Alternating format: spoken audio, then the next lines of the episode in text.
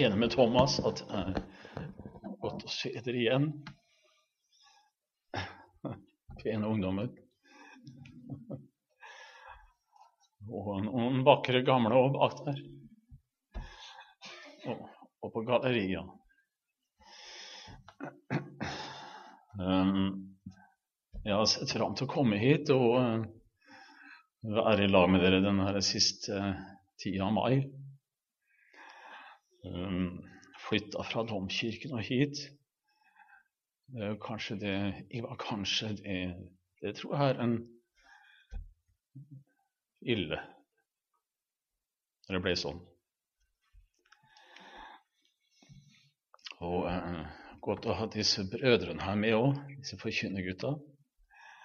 Det er noen raringer, altså, men det er originaler og, og hjertegutter.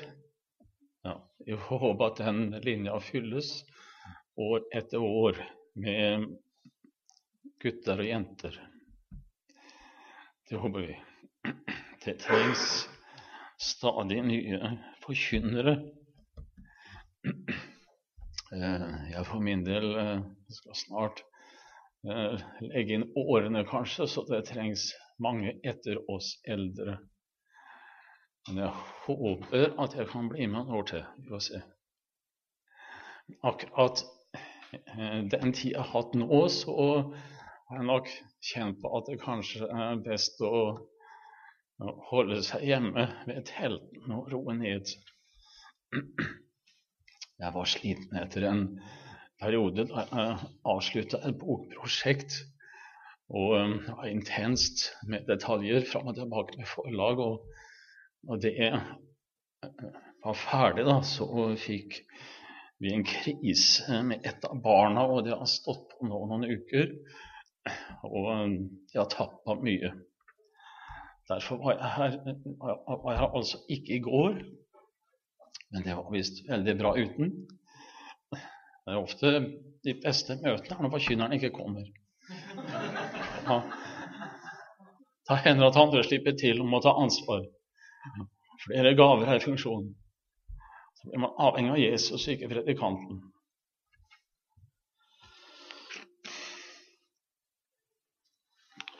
Men jeg kom nå, jeg har en fabelaktig kone som oppmuntrer meg til å dra, selv om jeg er sliten og tappa og kjenner at energien er på uh, lavmål.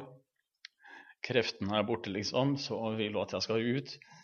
Det er utrolig med disse kvinnene. Hun har levd med en forkynner som en mann som har reist i mange år, og hun har hatt sjuke barn hjemme. og og så har hun liksom ja, likevel støtta meg fullstendig og, og ønska at jeg skal ut og virke.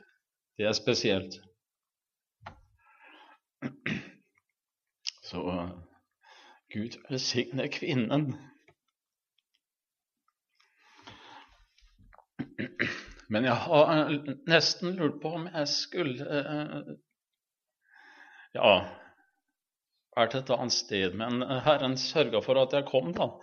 Og så har jeg sagt til brødrene, sier til dere at Herren skal bruke også denne uka, og også med de erfaringer jeg har med nå. Og så er jeg spent på hvordan han vil virke fra dag til dag. Selv om akkurat nå er det nesten som å begynne for første gang å være liksom predikant uh, Første reisgutt, nesten. Så det, det, er litt krevende. Da, da kommer jeg til å tenke på en forkynner Jeg har kanskje nevnt han før, men han virka litt nord for Halden. Litt nærmere da Tor Fremmegård kom fra, oppe i Aremark, men han virka litt oppe i Øyemark heter Ole Spernes, original evangelist. Når Herren kalte han til forkynnelse, så ja, gikk det så til han grua seg veldig fram til den dagen da han skulle preke. Og dagen i forveien var det vel at han skulle da ut og forkynne. så gikk han ned i vedskjulet, eller vedskuten som han kalte det. Og så, da knelte jeg ned for Herren, og så sa jeg, kjære Gud, nå må du hjelpe meg bare denne ene gangen, så skal jeg løpe deg at jeg aldri skal gjøre det mer. Skjønner du sånn dialekt fra Indre Østfold? Kjære Gud, og hjelpe meg bare denne ene gangen jeg skal preke. Jeg skal bare preke én gang. Så skal jeg love deg at jeg aldri skal gjøre det mer. Ja, vi får se om det blir mer. Mer trenger jeg kanskje ikke å si. Det er sagt nok om meg nå. Dere vet hvem jeg er. Um, forkynner i Jeg begynte tidlig på 70-tallet, 72, å forkynne første gang. Og uh, siden holdt på. Og det ønsker jeg fortsatt å drive på med. Jeg driver og skriver en del. Og del sjelesorg, terapi og um,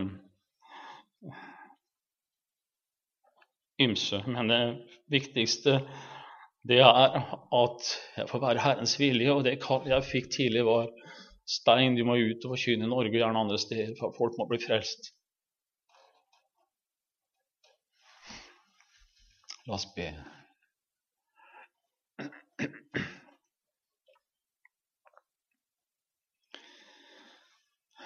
Takk, Herre Jesus Kristus, at du har møtt oss allerede i sangen, i åpning, i vitnesbyrd, Herre. Og vi ber at du fortsetter å tale til oss og virke gjennom oss, Herre. Møt oss sånn som du vil.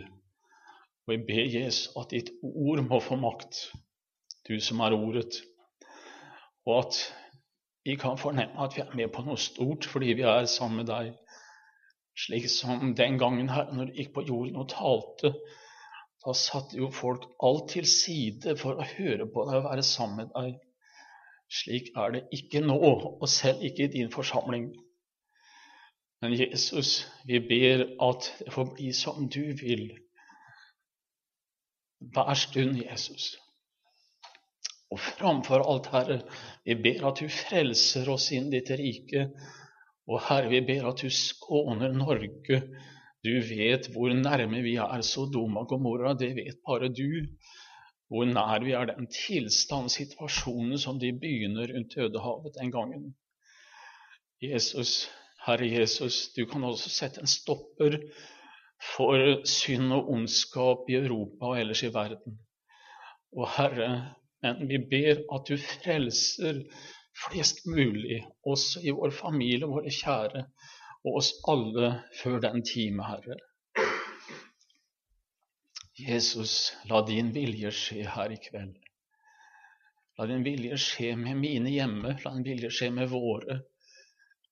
Og vi ber at du overtar møtet ved din Hellige Ånd. Jesus, fyll det med deg, og kom her med ditt rike, Jesus Kristus. Og Jeg ber bare om å få ligge i dine hender, og så får du forme meg også som du har tenkt, og hver eneste en her inne. Amen.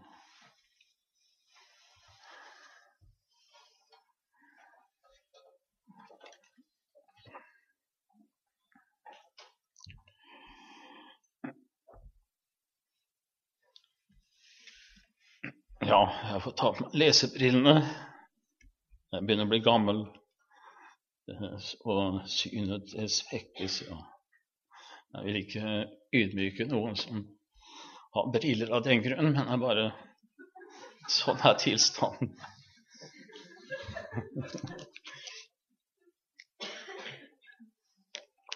Det er en setning jeg bare vil starte med fra Matteus 6, den er veldig kjent. Den setningen den kjenner du, men gjerne slå opp i Bibelen og finne akkurat den setningen, nemlig Skje din vilje. Den tredje bønnen i Fader vår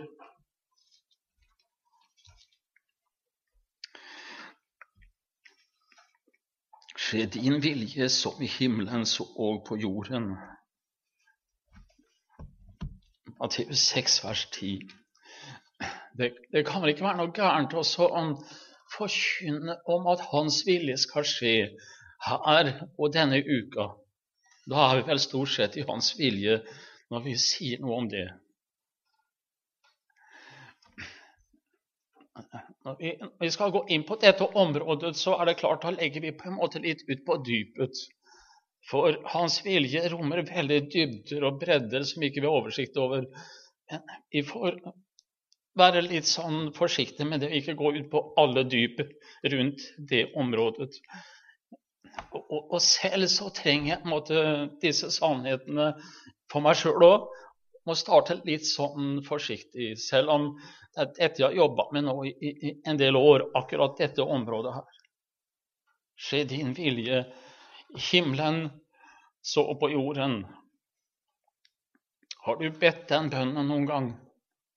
Det har du helt sikkert gjort. Har du bedt den av hjertet? Har du virkelig bedt om at Hans vilje skal skje, ikke din? Og ment det? Tør du be om at Hans vilje skal skje, og ikke din vilje?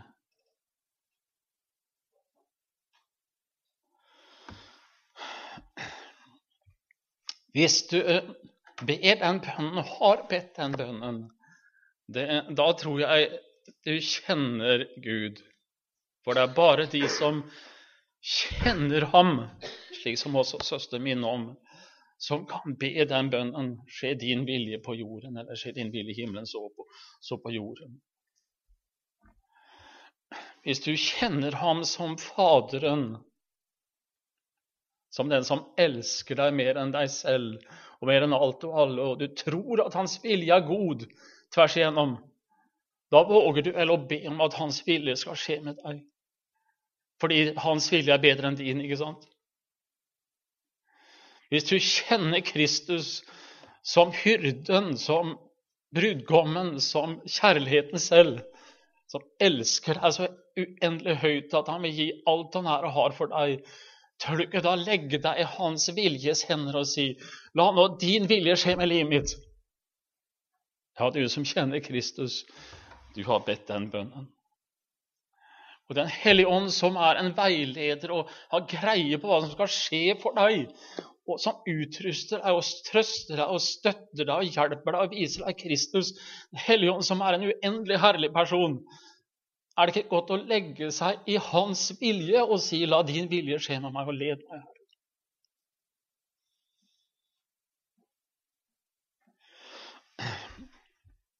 Jeg tror også en forutsetning for å be denne bønnen 'la din vilje skje', det er at du kjenner Gud.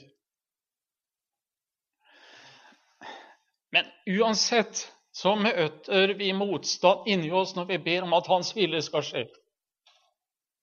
Hvorfor det?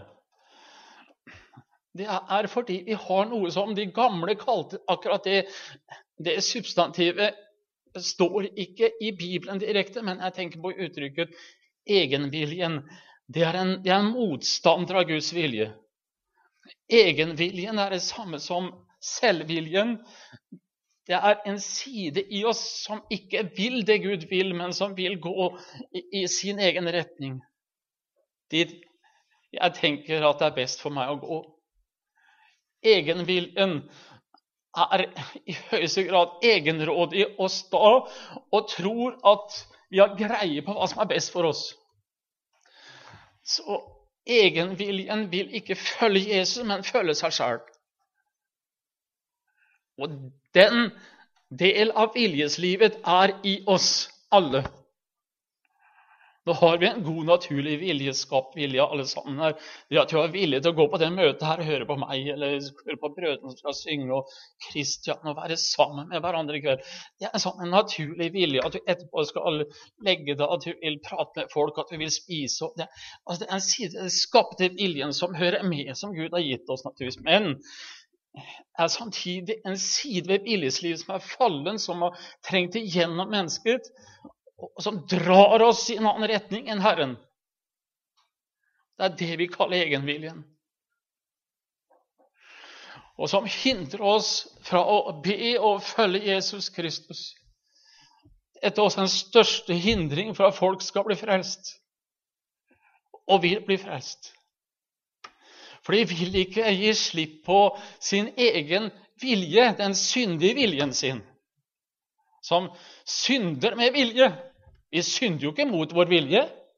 Vi synder med vilje. Det er tilstanden til mennesket. Om man vil helst ha det sånn. Så dette tror jeg er årsaken til at folk ikke vil følge Jesus og være hans. Men hvis de fikk høre fra prekestoler, kjerkeprekestoler eller bedehusstoler eller hvor det er Hvis de fikk høre det, at du skal få lov til å være en kristen og tilhøre Jesus, og samtidig gjøre som du vil Det hadde vært et behagelig budskap, ikke sant? dere? Det var det deilig å være en slik kristen som både får lov til å ha Jesus og beholde eh, sin egen vilje og sine lyster og laster og følge det så mye man vil. Jeg tror det er en årsak til at eh, folk eh, ikke vil være hans. Men det er klart at det blir et merkelig forhold til Jesus hvis man tror man kan beholde selvviljen og egenviljen og det, det syndige som drar i en annen retning, og samtidig er Jesus og tilhører ham. Det er et merkelig forhold. Så det går bare ikke. Og det skjønner vel folk. Og derfor vil de heller følge seg sjøl, følge sin egen vilje, sin egen tanke, enn å følge Jesus.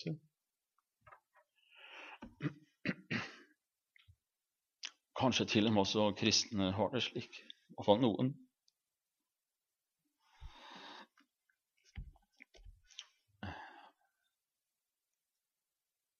Har du bedt denne bønnen, la din vilje skje med meg?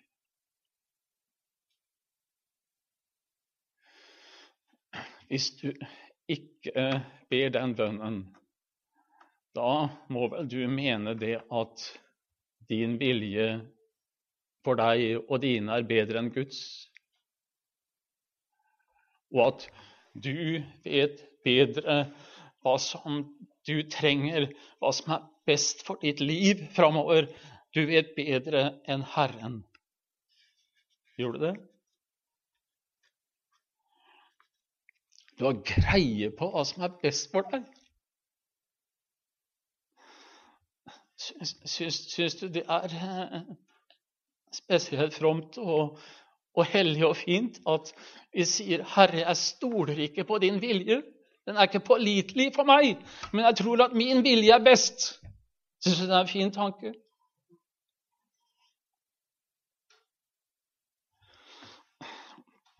Det er vel på en måte nesten som å spytte på Gud og si at eh, 'din vilje er ikke god for meg'.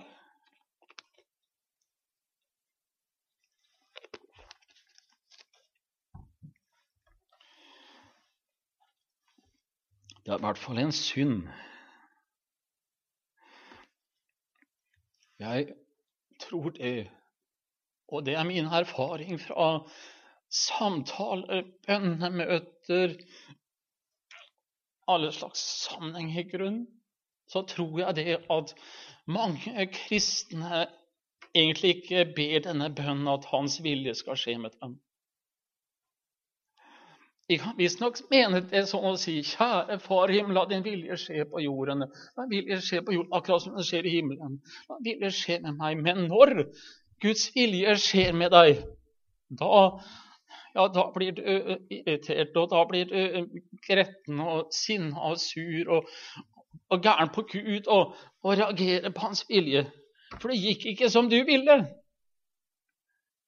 Du hadde på forhånd bestemt at når du ber om at Hans vilje skal skje, så hadde du tenkt sånn og sånn og sånn. Da skal de og de ting skje.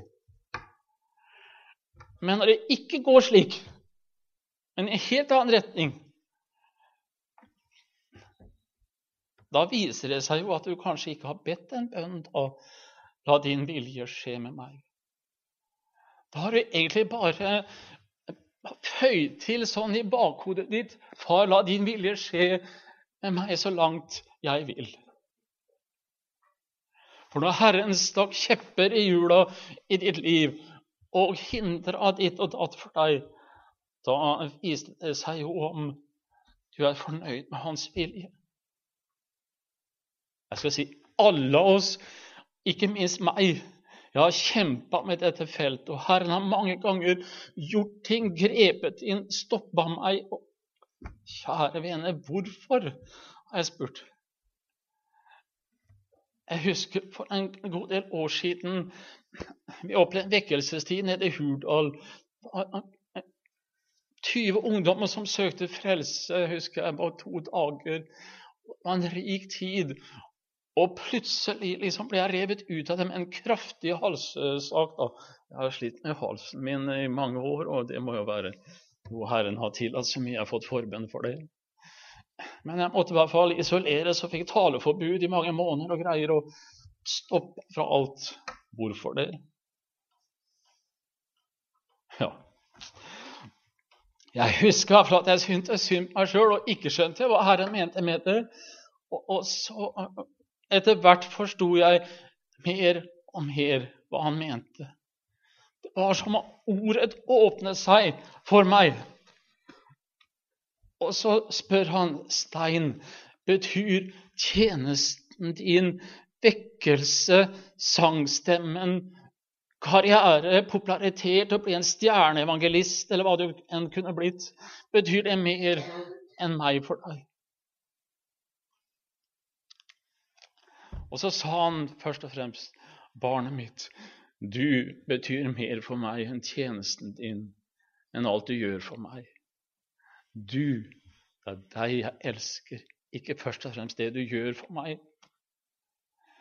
Jeg husker jeg grina på en hytte jeg var plassert på nede i Sverige, Store allé den, den gangen. Herren kom til meg på den måten, så sa han til meg ut fra klagesangene tre, du skjønner det at jeg har ikke hjerte til å plage menneskebarna. Det strider mot mitt hjerte, sier han her.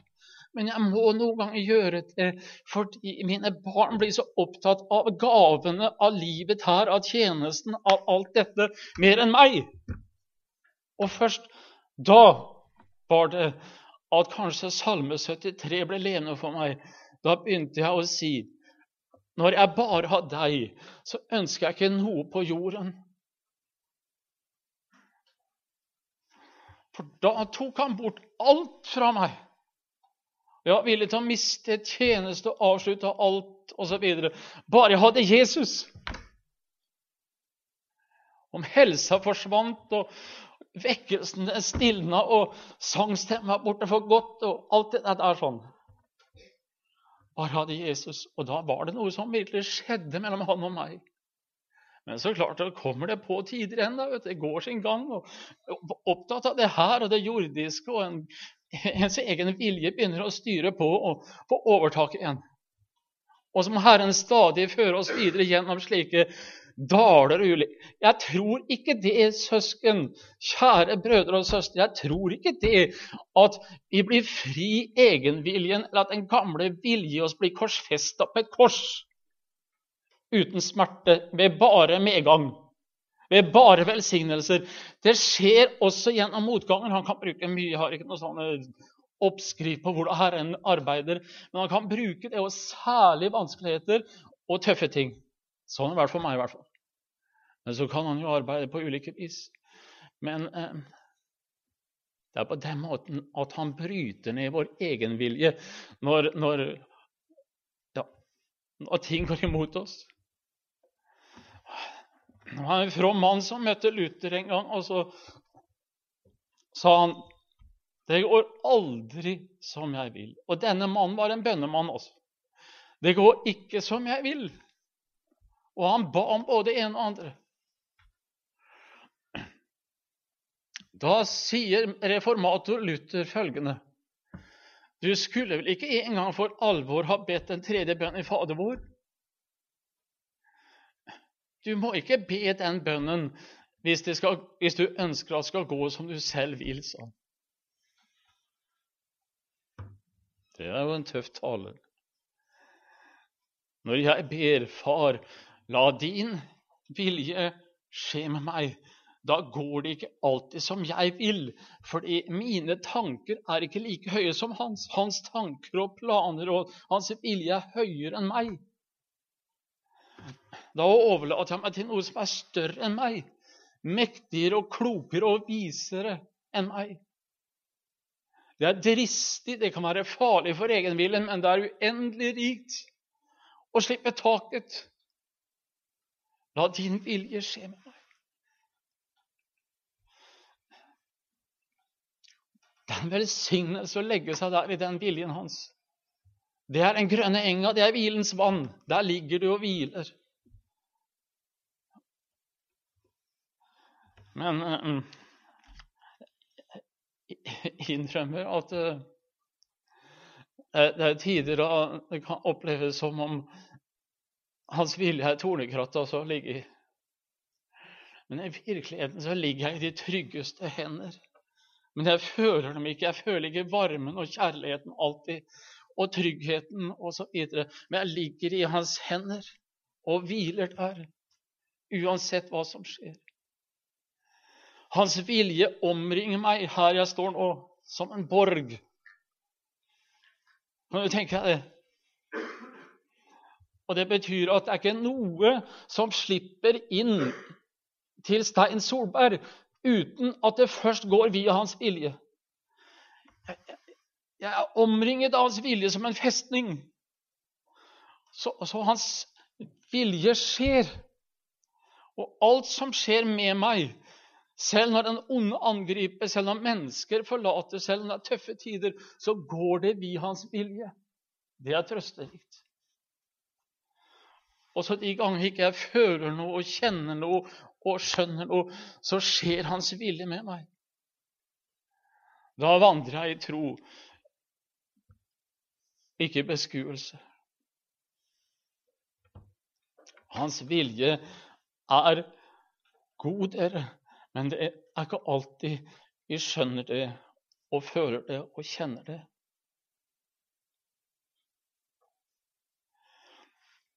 Dette har jeg kjempa med igjen før jeg skulle hit til Tromsø. Og det gjelder hele tjenesten min, familien, sykdom og alt sammen. Da må jeg gå inn i denne kampen her sånn og gi fra meg liksom mine egne planer og ønsker og min vilje og mitt alt, og gi det fra meg til Herren igjen. For jeg tenker at uh, ja, hvis Herren skal bruke meg, så må det være sånn og sånn hjemme. Så må jeg så så mye helse, så må jeg så så mye krefter og, og velsignelser. Og, og, Guds ord må liksom bryte fram i meg, og klarsyn og greier. Og så tar han fra meg alt i hop.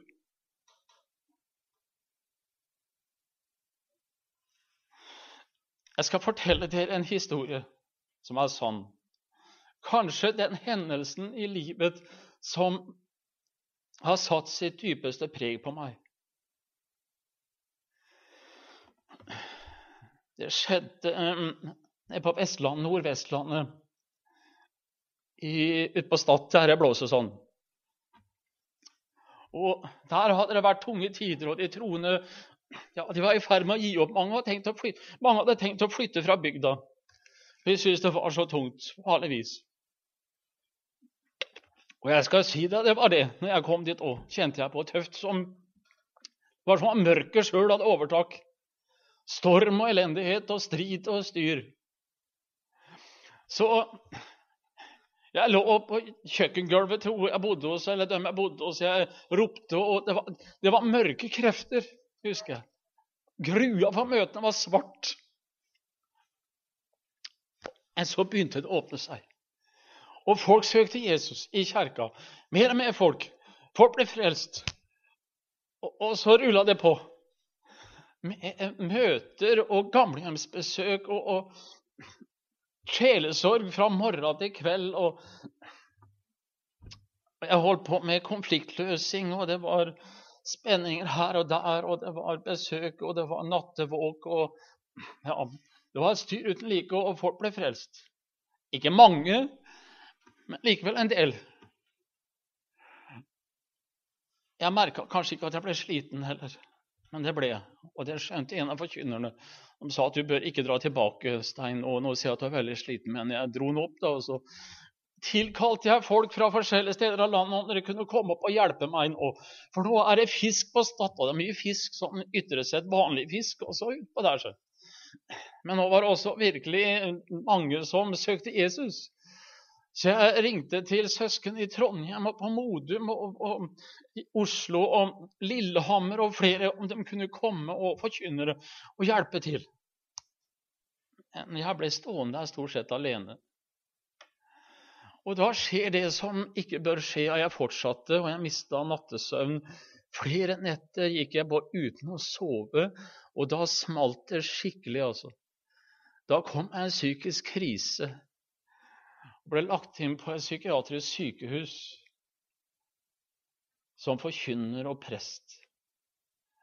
Og ble helt ribba og pasient i fem-seks uker. Og sykemeldt sju måneder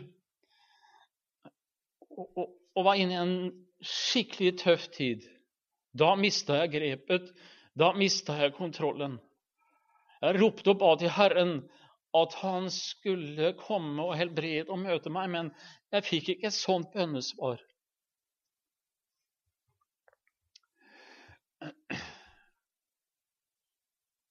Jeg gikk i terapi, men det hjalp heller ikke.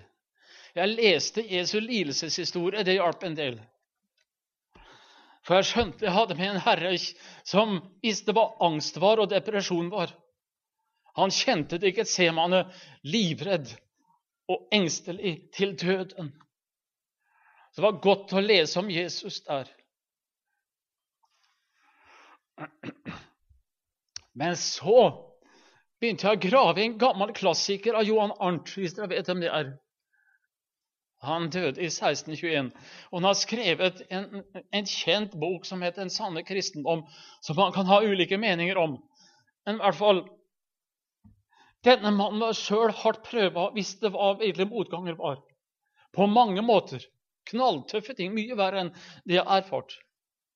Så han ble en god veileder i mørket for meg. Så leste jeg, og Mens jeg leste fra denne personen om håpet som ikke svikter under forskjellige prøvelser og vanskeligheter, og sånn, så forma det seg en tillit, og Herren skapte tillit i seg, og troen øka, osv. Og, da begynte jeg å be på en annen måte. Da ba jeg ikke om å bli helbreda mer fra liksom mørket og det depressive og angsten og alt det som kom om. Men da ba jeg om at Herren om det blir som du vil, ikke som jeg vil. Og så lot jeg han bestemme om, om han skulle fri meg fra det eller ikke. Og da letta det voldsomt. Jeg ble frigjort innvendig, det skjedde noe grunnleggende, husker jeg, den gangen når jeg, når jeg ba på den måten og liksom ga opp kontrollen om mine ønsker og planer om det ene og det andre. Det betyr jo at vi ikke skal be direkte om legedom, enten det er indre eller ytre ting. Men altså, Den største helbredelse for meg da var at jeg overlot til ham å bestemme om jeg skulle bli helbredet eller ikke. Men så dro det seg på, da. To ganger til. Jeg skulle liksom gjennom dette her tre ganger uten sammenligning med Paulus, som hadde en torn som han ba om tre ganger at han skulle bli kvitt den, og enda med Jesus ba tre ganger. Jeg hadde min lille Getsemane-time, eller Getsemane-høst, eller vår, den perioden. Jeg gikk gjennom dette i tre runder. Den tredje gangen var verst. For en, da fikk jeg også tilbake denne her lidelsen i stemmen som jeg har fortsatt delvis, men en litt annen utgave. Der jeg måtte få sprøyte på riksen rett inn i strupehuet her slik at krampene i stemmebånda skulle løsne. og det var, en, det var, en, ubehagelig behandling som jeg hadde hatt noen måneder i forveien, en del runder. da. Så kom den tilbake, og så øka liksom mørket på kraftig. Og da syns jeg liksom at jeg hadde drukket nok av mitt smertebeger. Jesus hadde et stort beger å drikke, vredens beger i Getsemane. Jeg fikk liksom mitt og spurte om ikke det var nok nå, far. Men igjen så gravde jeg dypere, bl.a. særlig Johan Arnt. som visste litt om hva dette var for noe. Da forma det seg en bønn. Jeg liker ikke å lese opp bønner sånn, kanskje. Men da, da forma det seg en bønn inni meg. Og da husker jeg ba omtrent sånn jeg skrev det siden.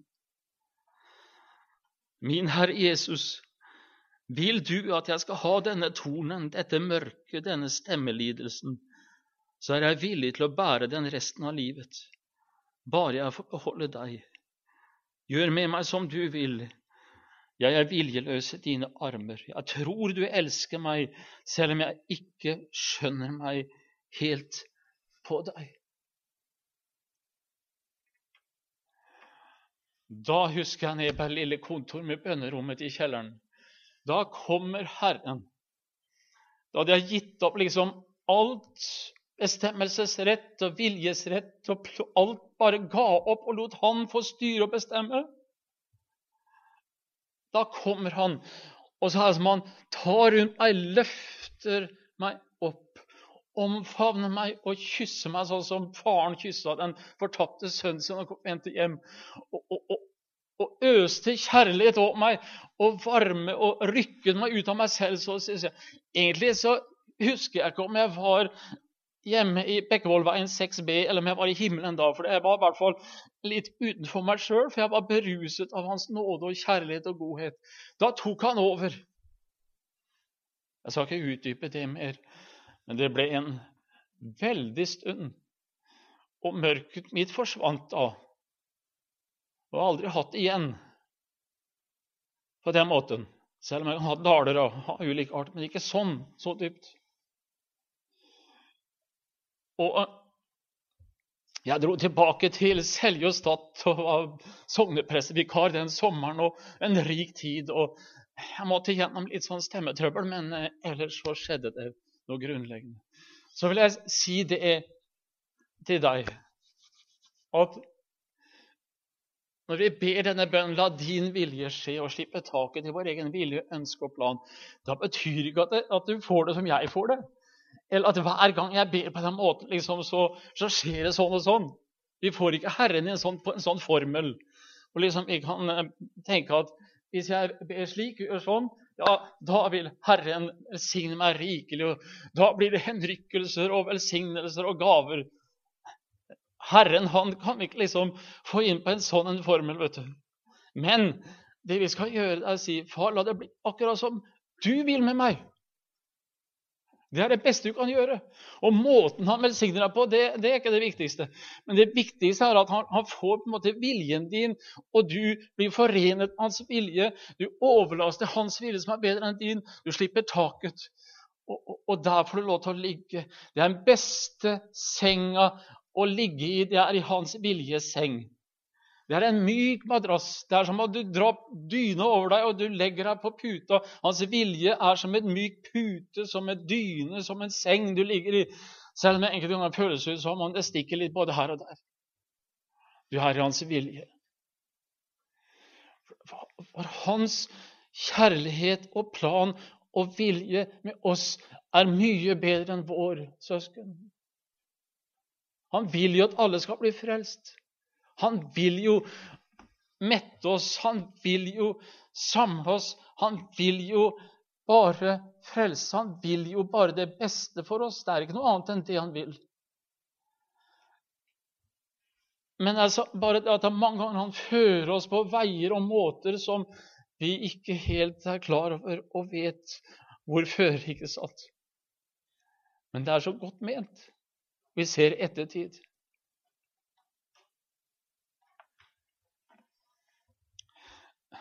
Tør du, eller vil du nå be?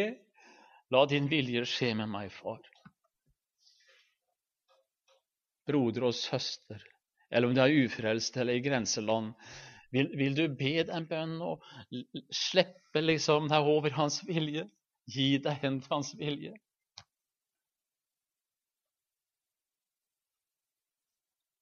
Han som er Gud allmektig, og kjenner morgendagene, vet ikke du?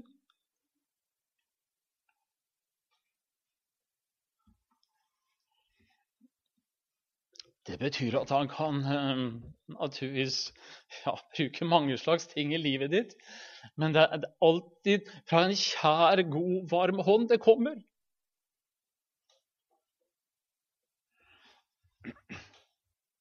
Og du kan få lov til å be la din vilje skje med meg, med, min, med mamma og pappa. La din vilje skje mine naboer og familien min. Og la din vilje skje i Halden og Tromsø og hvor den kommer fra. La din vilje skje. For hans vilje er jo bare god, vil frelse oss. Men det er mange sider av hans vilje ikke vi skjønner og begriper. Det er mye høyere enn vår. Men jeg vet i hvert fall uansett at selv om alt er uforklarlig og vanskelig, og du plages og du har tøffe tider, så må alt gå via Hans hånd. Ingenting får røre ved deg uten at han tillater det, at hans vilje styrer. Det onde kommer aldri fra ham, men han kan bruke og styre det onde til sin tjeneste. Det er han mektig til. Så ingen får røre deg og krølle et hår på ditt hode uten at Faderen vet så vil. La din vilje skje med meg, Herre. Vil du be den bønnen å legge deg der, hvile i den strømmen? Jeg husker jeg var på skitur hjemme i Halden en gang, gutten og jeg. Jeg for så vidt jente opplevd akkurat det samme. Nå er det ikke store bakker i Halden hvis dere har vært der. Sånn som her oppe. Der er derfor sikkert Thor har flytta opp til Tromsø. Oppe, oppe ved Krusheter så er det dog en forholdsvis tøff bakke. og Litt svinget og sånn. Og den gangen så Ja. Det var is i løypa, og vi, vi hadde kommet fra liksom en Ormtjernhytte, sportshytte, skulle kjøre ned. Og jeg satte noe utfor, og det var is i løypa, og jeg sto ned. Men gutten på førskolealder turte ikke å kjøre den isete løypa ned. Så jeg hørte han langt oppi der da skrek 'Pappa!' Jeg måtte jo bare beinfly opp igjen til gutten min. Og, og, og, hva skulle vi gjøre? Og skulle vi komme, skulle vi ta fra ta av skia og liksom rusle ned? Det er liksom litt ydmykt nå for meg. Nei, før jeg hadde foreslått og sagt noe som helst, så smetter den lille guttepjokken mellom bena mine og griper tak rundt kneet og sier 'Skal vi kjøre', liksom? Tenk deg en situasjon og jeg skulle også holde maska og være liksom litt overpå og trygg og vise at jeg var en hånd mot huset eller noe sånt. Så det vi gjorde da, Han satte skia i de isete løypene, og jeg satte da skia mine utafor. Det var forholdsvis tøft for en som altså ikke alpinist. da. Men jeg turte ikke å dette med den dyrebare lasten mellom bena mine. Så vi bare dro i vei. Og, og, og bena mine var som en last i stål, og de sto. Og, og vi kom trygt ned, helt ned bakken. Og gutten han sa ikke et ord. Det var som det skulle være. at eh, Han kom ned sammen med pappa. Han stolte på meg, en skrøpelig far som altså ikke er noen sånn mester i dette her. Han stolte på at dette gikk bra. Han la sin vilje, sitt liv, i mine hender. Hvorfor skulle ikke da du legge ditt liv i den store fars hender? Som vil ditt beste, som vet hva som er bak neste sving. Det vet ikke du. Som vet hva du skal møte, og som bruker og leder alle ting til ditt beste, selv om ikke du skjønner det. Det er ikke noe som går forbi ham. Alt vet han om, alt kjenner han i livet ditt og framtiden din. Det gjør ikke du. Men han vet om det. Ingenting får slippe nær deg uten at han bestemmer og styrer. Det er bare kjærlighet og godhet. Selv når vanskeligheten dukker opp, så går det via Hans hånd og styrer det. Vil du legge deg i den, den viljen? Bror og søster, tør du det?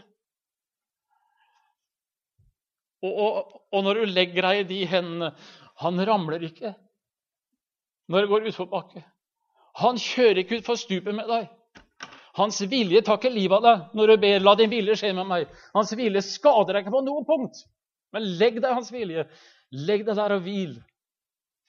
Så kan hans vilje og hans person føre deg helt fram.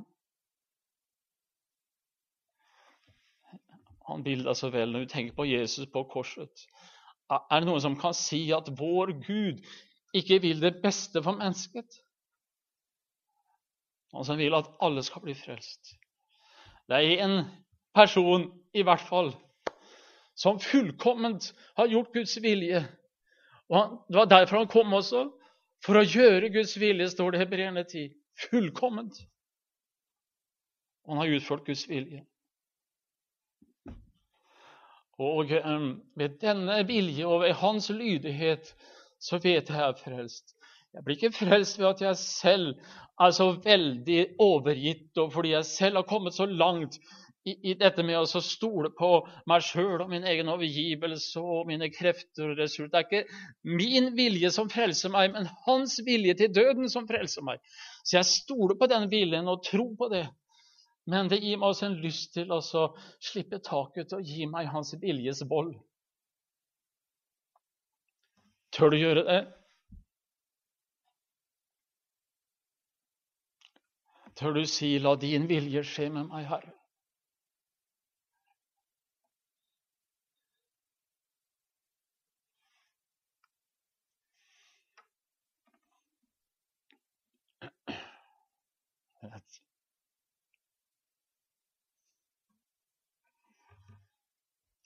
Som Gud vil,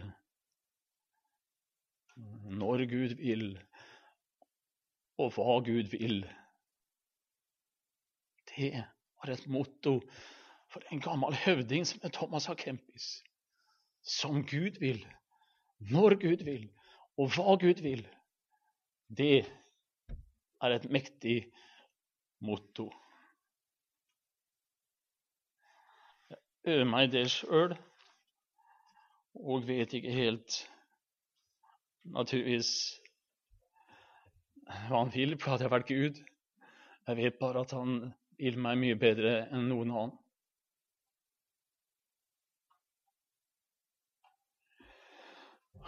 Kom til meg, alle dere som strever og har tungt å bære, og jeg vil gi dere hvile. Den som kommer til meg, vil jeg ikke støte ut.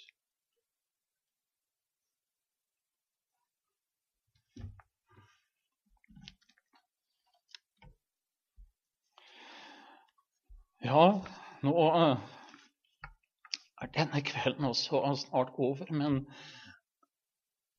det står en mektig Jesus her med en uendelig vilje som bare vil det beste for menneskeheten, selv om folk flyr fra ham og eh, misforstår ham.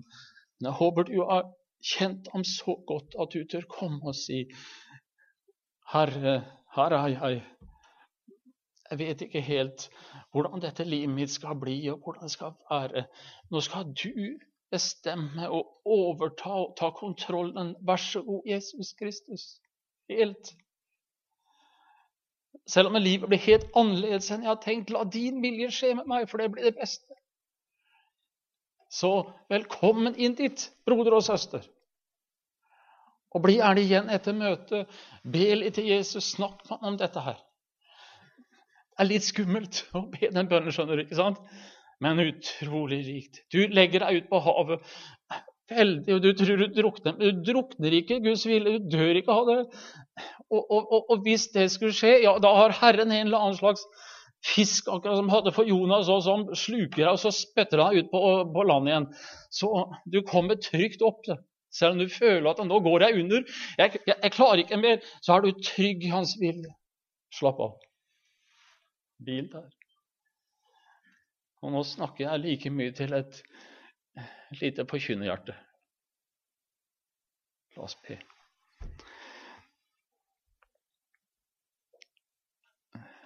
Jesus, takk, her at du har vist oss din vilje og Guds vilje fullkomment. Det har du åpenbart i ordet ditt, Herre. Og derfor tør vi oss å overlate oss til din vilje også i andre områder som ikke er så lett å skjønne deg på, Herre, men vi ber om å få gi oss til deg. Jesus Kristus, her er vi, Herre.